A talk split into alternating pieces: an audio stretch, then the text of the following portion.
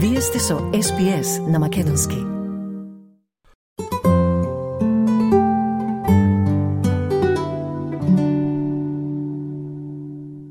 Повеќе кратниот шампион на Викторија во фудбал, Алтона Меджик Вардар, минатата сезона под раководство на тренерот Џон Марковски, успеа да влезе по подолго време во финалната серија, а клубот го имаше и најдобриот стрелец во лигата, Џонас Марковски но за новата сезона се случија промени во клубот.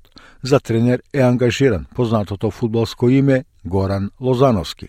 Клубот го напуштија поголем број играчи, па тренерот Лозановски мораше да ангажира нови фудбалери. Тоа го потврдува и самиот тренер и вели дека ако имаат шанса, ќе се обидат да бидат во горниот дел на табелата од, од кој дојде тука беше не беше лесно, немавме многу играчи, имаше играчите за минеа, се беше тешко работа од прво. Сега се некако месеци направивме добар тим, мислам, млади деца, може се 21 22 години, имаме некои постари играчи, ама добри играчи се. Сите чанца сите чанца барат на играт 90 минути и се бореа добро вечерва и се покажува дека за Сизјано ако се почни, ќе биде ќе биде јако за нас, ама ќе се научат младите. Амбициите се се исти. Ако треба за први шест ако може, тоа тоа ќе бркаме, ќе ќе бараме за за топ 6 како што велиме во англиски, ама на крајот треба да биде малку реалистика дека ние сме уште нови нови тим и ако можеме да се справаме подобро од што сме сега, тоа може да имаме шанса за, за прво шест, ама за сега треба на, на, на победиме од такмици и како што велат во годината, ако до 10-11 победи, тука си близо. Алтона Меджик, првиот надпревар го игра на домашен терен во сабота против Хайделберг Юнайтед, а Лозановски вели дека ќе одат по три бода. Мора три бода, како што велиме сите домасне, са на крајава кодеме за три бода и, и тие се со нов тенер и со, со неко нови играчи. Со, мислиме секој такмица ќе биде тешка за нас. Ама тешка за нив исто, дека ќе имаме деца што ќе нека застана за 90 плюс минути и ќе се борат до крајот и за наше име, за нашо клуб, за Алтона Magic, знам едно што ќе биде 100%, нека застанеме дори заврши судијата. Горан Лозановски искаже и пофални зборови за Престон Македонија, која ќе игра во новоформираната национална лига, велејки дека тоа е добро за македонската заедница, која треба да му даде целосна подршка на клубот во надпреварите. Супер, супер, тоа е најдобро за нас, за, за, наси, за наши македонци, Немаме на еден клуб во, во Билига и Јас, јас во Престон имам голема историја исто, таму изиграв и таму тренирав како тренер и за мене ја, со срцето ми не можам да почекам дори почне во Билига. Тоа е супер и сите ќе оми таму ќе ќе гледаме и ќе сопортираме и тоа е најважно. Са, Лупче досега направи супер супер джоб и мислам да биде уште подобро за неколку години и председателот на фудбалскиот клуб Алтона Меджик Вардар, господинот Джими Лески вели дека амбициите на клубот се исти како и минатата сезона и вели дека на организацијски план се е подготвено и се работи на уредување на спортскиот комплекс во Пейсли парк. Клубот ова година, како знаеш, ланска година многу работа се направи со терен овде, со фасилити со ова што се нови седишта имам клаено Council има одобрено овде за, парк. за паркинго, патиштата, дури и третиот терен да го направат, но многу успеси има со тоа и кој што секоја година многу благодарност на спонсорите што ни се со клубо, дека во тоа време секој без ними не може да се да се стори ништо и, и голем благодарност до ними и со сите суперти што ни идат и што гледа утакмиците. Во новата сезона играчите се нови играчи поќето, млади деца се, многу многу има а, успех да да направат нешто добро и со тоа се знае, се гледа на терено, се гледа како се околу клубо и како секој играч никој не ќе да губи и најголемо што можеме да успееме, ќе успееме.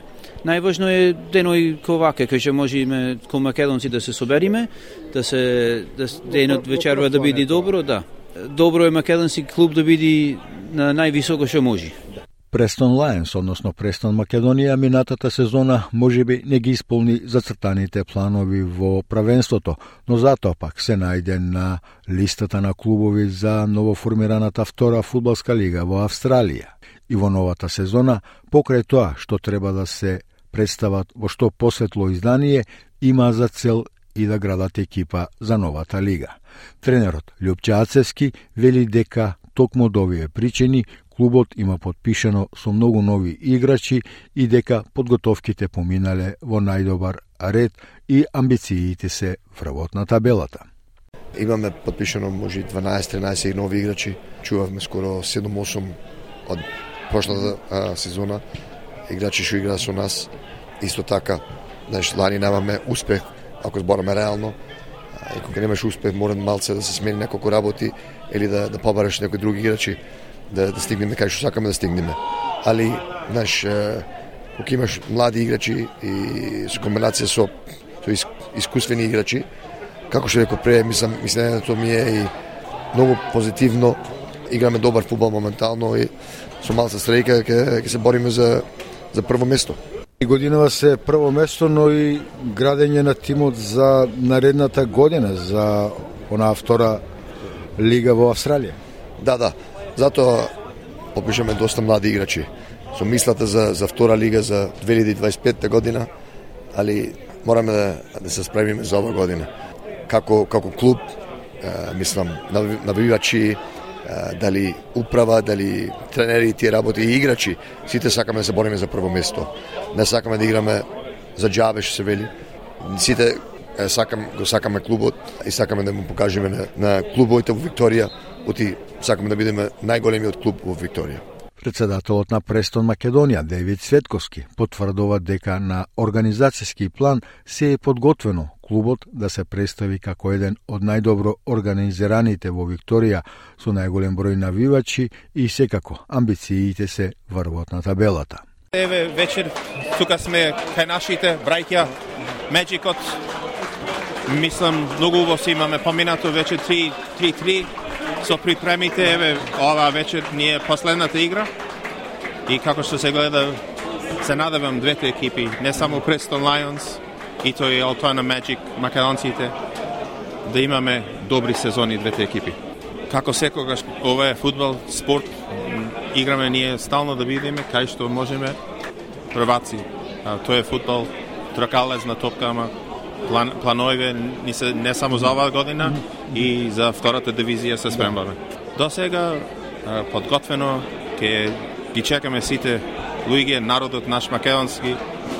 Петок дома ќе играме 15 февруар со Мелбурн Виктори и ги поканувам сите луѓе, цел народ да излези да му кажеме на австралијската фудбалска дивизија дека Престон на вистина може и 5000 згоре народ да имаме.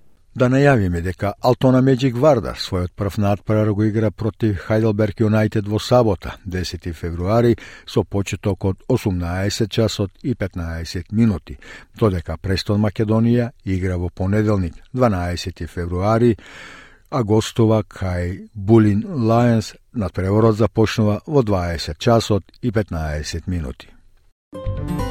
СПС на Македонски, на радио, онлайн или на мобилен.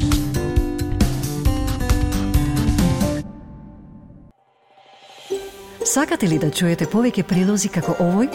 Слушате подкаст преку Apple Podcasts, Google Podcasts, Spotify или од каде и да ги добивате вашите подкасти.